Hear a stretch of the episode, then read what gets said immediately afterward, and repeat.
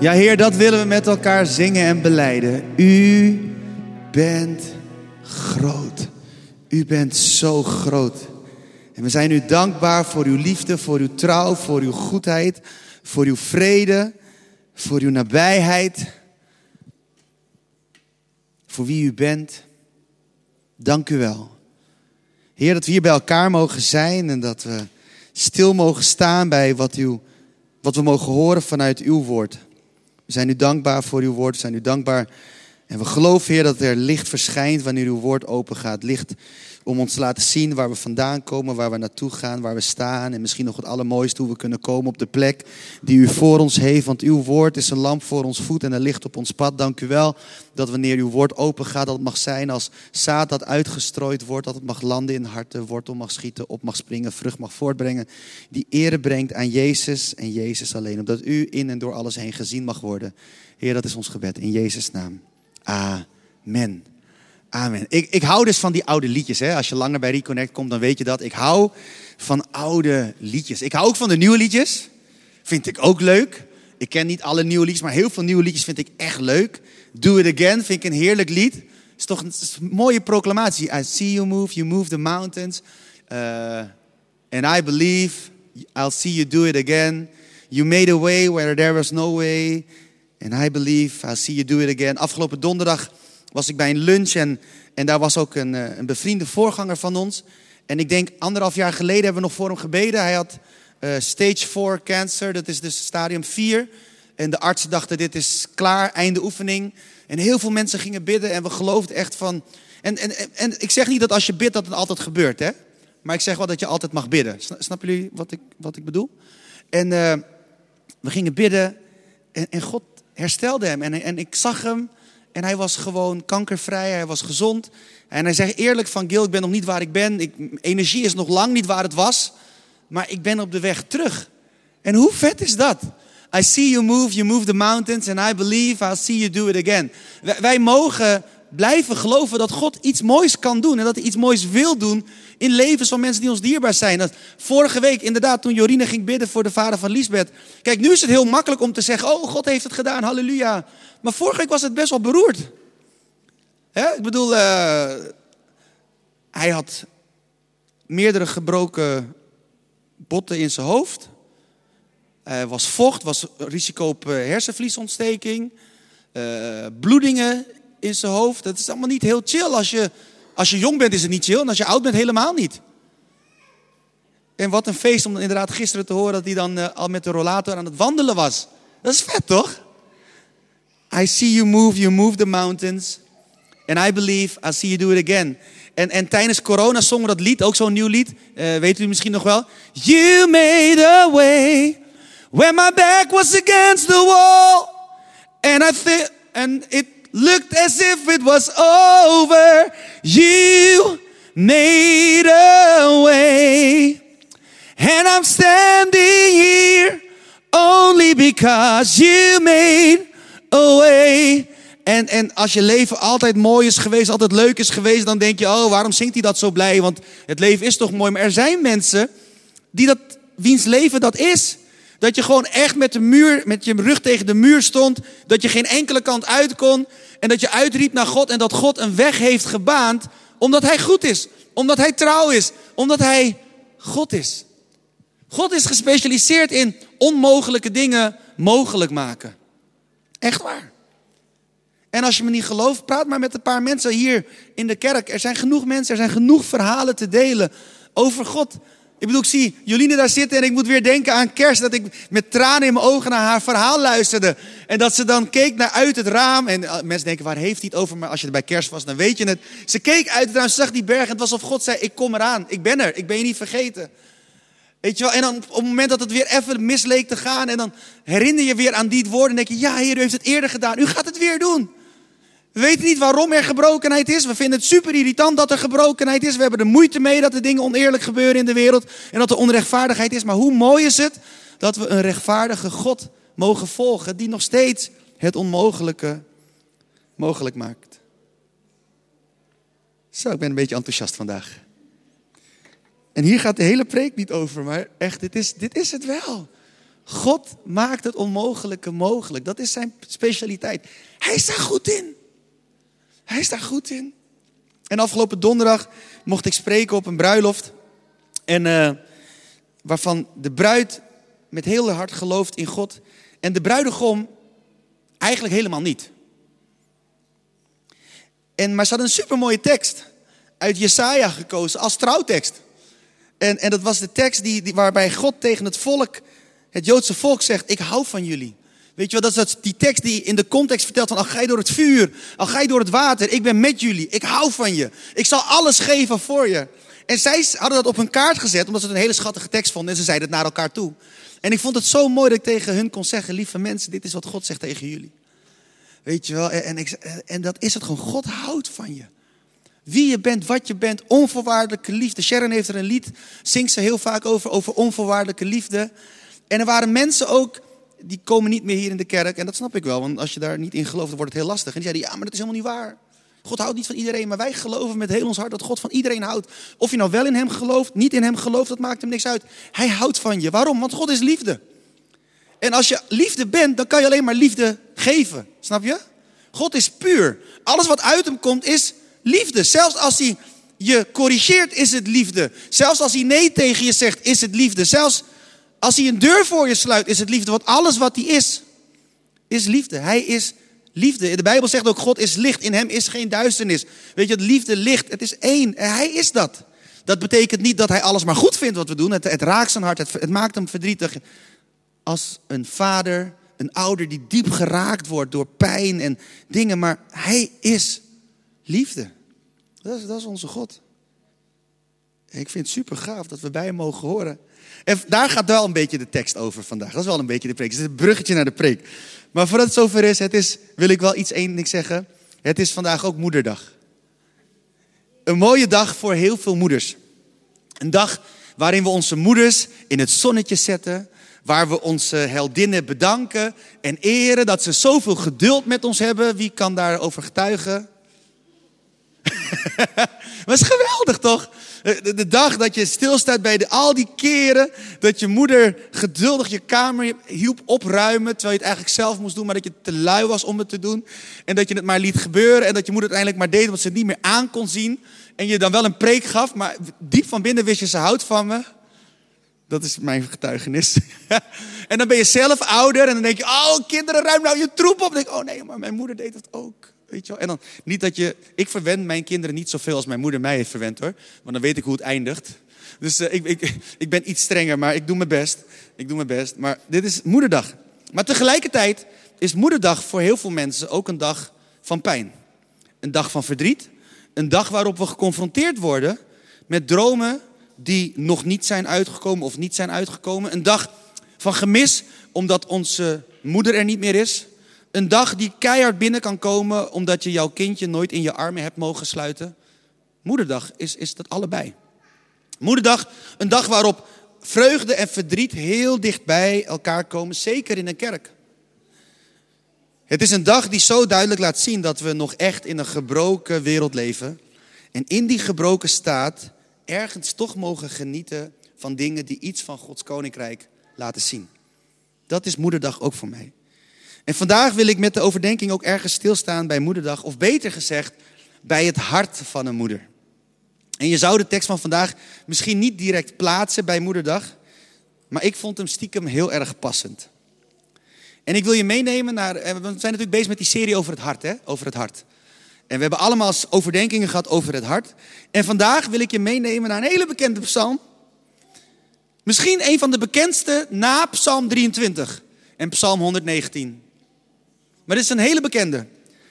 Psalm, ja, ook niet 150, Psalm 51. Psalm 51. De boetepsalm van David. De psalm die hij schreef nadat de profeet Nathan bij hem was geweest, omdat hij in de NBG staat volgens mij iets in de trant van omdat hij met Bathseba had geslapen.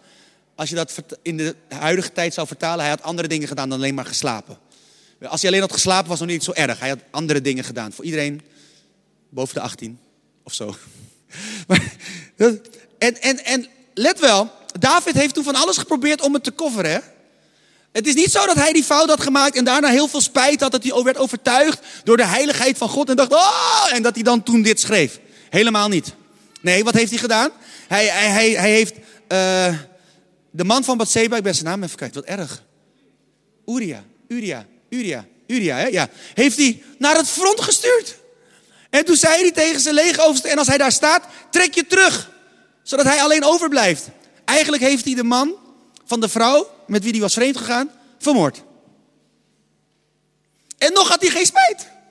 Hij dacht, dit heb ik goed geregeld. Dit is gecoverd. Dit is gefixt. Niemand weet het. En toen kwam de profeet Nathan. Ik, vroeg, ik vraag me af. Vroeger, vandaag de dag, hè, vooral in de hoek waar ik uitkom, de charismatische hoek, willen mensen profeten zijn en die, en die titel dragen. Volgens mij vroeger, in die tijd, wilde je die titel echt niet hebben. Je wilde het ook niet zijn. Als God je riep als profeet, dan zou je denken van, nee, nee, nee, nee, nee, nee, nee. Want, want het was helemaal geen leuke job, want je moest dingen zeggen die je niet wilde zeggen. Ik bedoel, hoe moest Nathan zich gevoeld hebben dat hij naar David moest gaan? De koning die dus net iemand had vermoord, omdat die persoon hem kon ontmaskeren. En dan zegt God tegen je, ga naar de koning toe en zeg hem dat hij heeft gezondigd. Heren, bent u dit echt? ga. En daar ga je dan. En hoe hij dat dan ook deed, hè, die profeet. Hij vertelt het verhaal. Ja, er was iemand die had heel veel dit. En er was een andere man die had maar één, wat was het? Eén, lammetje, één schaapje of zo. En die man die alles had, die, die, die pakte dat. En uh, wat moet er met die persoon gebeuren? En David zei, die moet dood. Die is fout. En die bla bla bla bla. En hij ging op zijn David, ging hij allemaal dingen zeggen. En toen zei Nathan, u bent die man.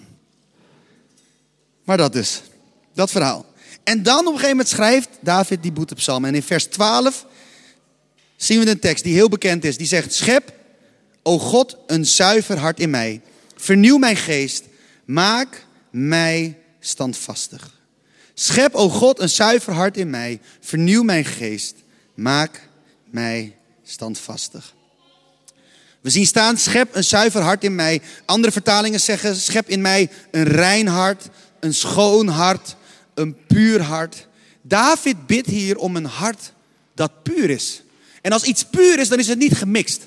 Als je iets hebt wat puur goud is, is het 100% goud. En als hij vraagt om een puur hart, wil hij dus een hart dat helemaal is zoals het zou moeten zijn. Helemaal puur. Niks van, van, van wereldse verlangen erin. Niks van eigen verlangen erin. Niks van misschien demonische verlangen erin. Helemaal puur zoals het is bedoeld. Gewoon één ding. Ons hart kan zo snel gemixt worden. Een beetje van God, een beetje van onszelf. Lijkt wel op die reclame van Maggie van vroeger. Hè? Een beetje van mezelf en een beetje van Maggie. Zo, zo, zo kan ons hart zijn. En, en, jullie kijken me aan als jullie zo zeggen van ik ken dat probleem niet. Ik ken dat probleem wel. Mijn hart kan soms gemixt zijn. Dat er gewoon dingen zijn. Dat ik iets dat dat ik mezelf moet afvragen. Is dit wat God voor mij wil? Of is dit iets wat ik voor mezelf wil? Is dit iets wat, wat, wat, wat, wat, wat, wat ik mezelf heb opgelegd? Is dit uit mezelf? Is het van God? Ik weet niet of je het nog weet, twee weken geleden hadden we het erover dat we het erover hadden dat we bij alles wat we willen, dan, dan kan het wel zo zijn dat het mag, als je kijkt naar de richtlijnen van God. Maar dat we in deze tijd de Heilige Geest hebben gekregen en dat we aan de Geest mogen vragen. Maar Heer, is het ook goed voor mij nu? Ik weet dat het mag, maar is het ook iets wat u nu aan mij wil geven?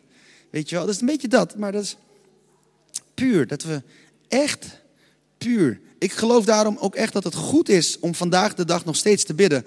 Schep een zuiver, een puur, een rein hart in mij. En wat me was opgevallen was dat er staat, schep in mij een rein hart. Uh, create in me a clean heart. In het Engels staat dat. Hè? En dus toen dacht ik, bedoelt David daar dan dat God je een nieuw hart geeft? Want dat, dat wordt ook wel eens gezegd natuurlijk. Hè? God geeft je een nieuw hart. We zien het ook in de Bijbel terugkomen. Maar hier is iets heel moois. David heeft een ander woord gebruikt dan een nieuw hart. Het woord dat David heeft gebruikt, is, betekent niet zozeer dat je iets nieuws krijgt, maar dat je iets herstelt in de originele staat dat je iets herstelt in de staat waarin het was bedoeld. Eigenlijk zegt hij, Heere God, mijn hart is gecorrumpeerd door alles wat er is gebeurd, maar wilt u mijn hart weer herstellen naar de staat waarin u het heeft gemaakt, hoe u het heeft bedoeld. En dat is vet. Ik ben de enige die dit vet vindt. Ik vind dit vet. Waarom vind ik dit vet? Uh, God maakt alles nieuw door het kapotte te herstellen. Wij mensen, of ik dan, laat ik het maar bij mezelf houden. Ik zou zeggen, we, fixen het door iets nieuws te kopen. Eh, we hebben dus sinds vorige week een nieuwe tweedehandse bakfiets, waar we heel blij mee zijn. Maar we zijn er dus achter gekomen dat je, als je kracht zet op die rechte pedaal, dan, dan, dan schiet hij dus los uit, uit dat ding. En dan draai je langzaam je pedaal los. Dat is super irritant. Ik zou vandaag heel erg op tijd zijn, kwart over negen. Ik kwam om kwart over tien aan. Want ik heb vier keer dat pedaal weer opnieuw vast moeten draaien. Want Sharon is toen nog langs geweest met, een, uh, met zo'n ding om hem vast te draaien. Ik denk, dan gaat het wel goed. En nu staat hij ergens in Haarlem-Noord geparkeerd aan een lantaarnpaal. Met een gebed erbij van engelenwacht eromheen. Dat niemand hem weer jat. Want onze vorige was natuurlijk gejat. Deze is wel verzekerd. Dus als ze hem jatten, krijgen we weer een nieuwe bakfiets. Halleluja. Ik, uh, ik leer van mijn fouten. Uh, je moet er niet van uitgaan dat mensen eerlijk zijn. Maar je moet ervan uitgaan dat mensen je fiets jatten. Weet je wel? Welkom in Haarlem. Maar anyway. Waarom vertel ik dit? Dat ding is dus kapot. En mijn eerste reactie is: Oh, dan moet alles eraf en dan moet er een nieuw ding in. Maar dat weet je helemaal niet. Misschien kunnen we wel iets weer herstellen zodat het nieuw wordt. En dat vind ik zo mooi van God. God gaat niet meteen alles weggooien en begint opnieuw. Nee, God is een God die met de scherven van ons hart wil zitten, naast ons wil zitten en zegt: Ik ga het fixen.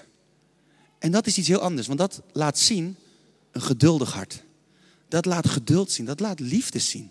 Het is veel makkelijker, maar hij is de creator. Hij kan het gewoon weggooien en iets nieuws geven. En daar kan je ook heel mooie dingen over zeggen.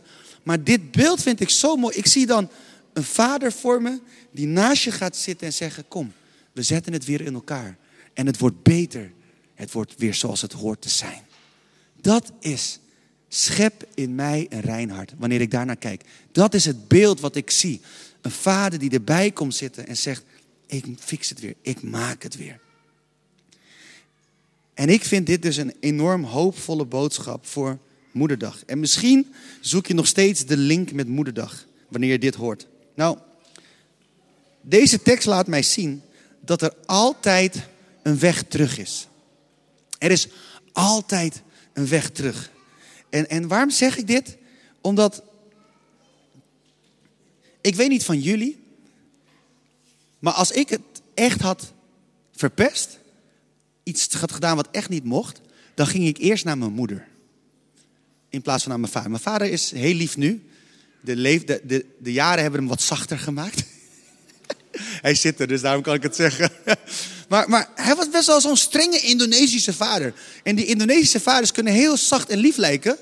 Maar, maar het zijn best wel strenge gasten. Paul, jij snapt het wel, hè? Ik zie Paul, ja. Ja. het is best zo, boem. Nee is nee, ja is ja, recht is recht, krom is krom. Huppakee, weet je wel.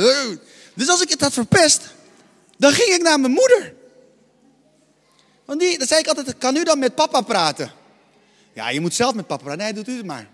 Maar dan wist ik dat mijn moeder eerst de klappen, nee, niet de letterlijke klappen, maar de figuurlijke klappen, de, de boosheid dan ontving. Ja, maar ja, en, dan, en dan, dan kon ik daarna met mijn pa praten. Zijn er meer mensen die dat hadden, die die dynamiek herkennen? Of ben ik de enige? Nog meer mensen? Ja. Wat fijn. Dat zegt hij.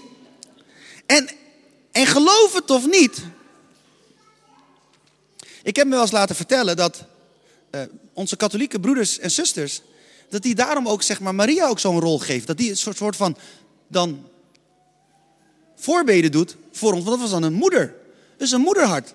Maar weet je wat zo mooi vind? Kijk, wij in de christelijke wereld noemen God altijd vader. Dat is, hè, hij, hij, hij noemt zich ook vader in de Bijbel. Maar er zijn genoeg teksten in de Bijbel die hem ook laten zien als een moeder. Die het moederhart van God zichtbaar maken. En ik vind dat te gek. Toen ik dat ontdekte, dacht ik, wow, God is dus alles wat je nodig hebt. God is gewoon God. Hij is niet per se man, hij is niet vrouw. Hij is God. Hoe vet is dat? En heb je een vader nodig, dan is hij een vader. Heb je een moeder nodig, dan laat hij zijn moederhart zien en dan heb je als het ware een moeder. Hoe mooi! Ik ben ook weer de enige die dat heel vet vindt. Eh, eh, iemand heeft een boek geschreven, The Shack in het, in het Engels. En, en daar was heel veel kritiek op.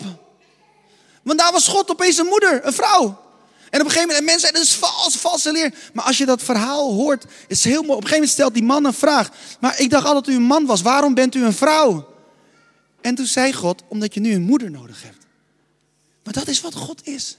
Er was een, uh, Marvin Winans is een voorganger uit Amerika en een zanger. En die had op een gegeven moment een liedje. Um, Whatever you need God to be, he already is. Wat je ook nodig hebt, hij is het. En daarom vind ik dat is echt een boodschap voor moederdag. Er is altijd een weg terug. En vaak denken mensen bewust of onbewust uh, dat je dus echt ten diepste uh, spijt moet hebben. Ik bedoel, laten we eerlijk zijn. Hoeveel mensen zouden de excuses van David hebben geaccepteerd vandaag de dag? Nadat hij betrapt is en dan heeft hij spijt. Zeg ja, omdat je betrapt bent. Daarom heb je spijt. Maar God, God kijkt daar voorbij. Er is altijd een weg terug. En dat vind ik zo mooi. Omdat God God is, hebben wij als het ware niemand nodig die namens ons hoeft te pleiten bij Hem. Want ook dat doet God voor ons in Jezus. Hoe mooi is dat? Jezus, waar de Hebreeënbriefschrijver over zegt dat hij onze middelaar is, hij, hij pleit voor ons aan de rechterhand van God. Cool toch? Ik word hier zo blij van. Er is altijd een weg terug. Omdat God onze vader is. Met het hart van een vader. En het hart van een moeder. Hij heeft het allemaal. Hij, hij heeft dat. Hij houdt van je. En als je me niet gelooft, kom een keer met me praten. Ik laat je allemaal teksten zien. Waar, waar God zichzelf, waar hij over zichzelf zegt dat hij als een hen is. Die de kuikens beschermt tegen het vuur. Weet je wat, dat, dat beeld kennen jullie toch? Als er gevaar is dat een hen dat doet. En dat, die hen, dat een hen kan verkolen en dat de kuikens dan nog leven. Dat is het beeld. Maar ik weet niet of je het weet, maar een hen is een vrouwtjesdier. Voor iedereen die het niet wist, is geen mannetjesdier. Is een moederhart. Hoe mooi is dat? En, en zo zijn er heel veel teksten waar, waar God ook zegt dat hij barensweeën heeft. Nou, we hebben drie kinderen. Ik heb geen enkele keer barensweeën gehad. Ik, wilde, ik, ik had wel het idee dat ik het had, omdat ik Sharon zag in pijn, maar ik had het echt niet. En als ik dat zeg, kijkt Sharon me echt aan met zulke ogen. Hoe durf jij te zeggen? Jij weet helemaal niks. en terecht. En terecht. Dit is onze God. Hij is God. En hij overstijgt alles. En dat is mooi. En ik denk deze mooie zondag, het is mooi weer volgens mij, een soort van. Denk ik, het is mooi om daarbij stil te staan. Whatever you need God to be, He already is. Wat je ook nodig hebt, Hij is het al. Hij geeft je dus niet wat je wilt, per se, soms wel. Maar Hij geeft je wat je nodig hebt. In liefde, in geduld, in vrede, in acceptatie. Hij houdt van je. Hij heeft voor je gekozen voordat jij voor hem koos. Hoe mooi is dat? Dankjewel Lisbeth, jij knikt met een glimlach. Ik word heel blij hiervan. Maar dat is toch zo? Oh, daar is Peter. Die, is ook altijd, die knikt ook altijd heel lief. Maar nu is hij heel aandachtig aan het luisteren. Maar, maar het is echt... Dat, dat is onze God. We hebben het twee, volgens mij drie, vier weken geleden hebben we het nog over gehad. Dat God is de God die met ons meeloopt, zelfs wanneer we weglopen. Dat is ook God. En als je dat niet gelooft, kijk naar het verhaal van de Emmausganger, als je die preek niet hebt gehoord. Daar gingen de mensen weg uit Jeruzalem. Ze bleven niet wachten, maar ze gingen weg, want ze dachten het is voorbij. En wie loopt met ze mee? Jezus. Dat is onze God. Hoe vet. hoe vet is het dat het niet afhangt van onze trouw, van onze goedheid, van hoe goed wij leven. Maar dat het allemaal afhangt van Hem en Hem alleen. Dat we onszelf dus nooit op de schouders of de borst kunnen slaan van dit heb ik gedaan. Want kijk eens hoe goed christen ik ben. Nee, je bent helemaal geen goede christen. Je hebt een goede God. En daarom kunnen we allemaal goede christenen zijn. En dat is ook leuk. Je hebt dus ook, ik krijg ook steeds meer moeite met die term. En ik weet waar het vandaan komt. Want Paulus spreekt erover dat je eerst, uh, eerst uh, melk als het ware krijgt en dan vast voedsel. Dus dat, dat er wel volwassenheid zit in het geloof. Maar ik heb steeds meer moeite met de term van, ah, maar ik ben, ik ben verder in het geloof. Hou toch je mond. Weet je, als je dat zegt, dan, dan, heb je het volgens mij niet begrepen. Want hoe verder je bent in het geloof, hoe meer je ontdekt dat je eigenlijk helemaal niet zo ver bent. Want dan merk je des te meer hoe ver je vanaf bent en hoeveel je God nodig hebt, of niet? Het zijn juist de mensen die pas zijn in het geloof. Kijk, kinderen, die denken dat ze alles kunnen. Weet je, die denken dat ze alle antwoorden hebben. Het zijn juist de volwassenen die denken van, nee, ik weet het allemaal niet. Ik, ik, ik, ik weet heel veel dingen niet. Ik moet dingen opzoeken, ik moet dingen vragen. Maar zoals ook in het leven met God. Hoe meer je bij God groeit en hoe meer je ontdekt van Hem, hoe meer je ontdekt van, ik kan het niet zonder U. Ik heb U nodig. En daarom is dit goed nieuws. God is wat je nodig hebt. Hij houdt van je. Je hoeft het niet alleen te doen. Hey, Gilbert hier. Bedankt dat je hebt geluisterd naar de podcast van Reconnect Community Church. Ik hoop en bid dat je er niet alleen door bent bemoedigd of geïnspireerd, maar dat deze uitzending jou ook weer meer heeft mogen wijzen naar Jezus en zijn liefde, genade en trouw voor jou en voor mij. En als jij, net als wij, ook enthousiast bent over deze podcast, dan kan je ons helpen door je te abonneren op ons kanaal en deze overdenking te delen met vrienden en bekenden. Mocht je ons ook financieel willen ondersteunen, dan kan dat via reconnect.cc/geven.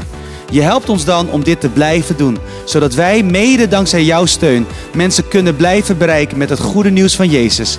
Bedankt voor je betrokkenheid en je support.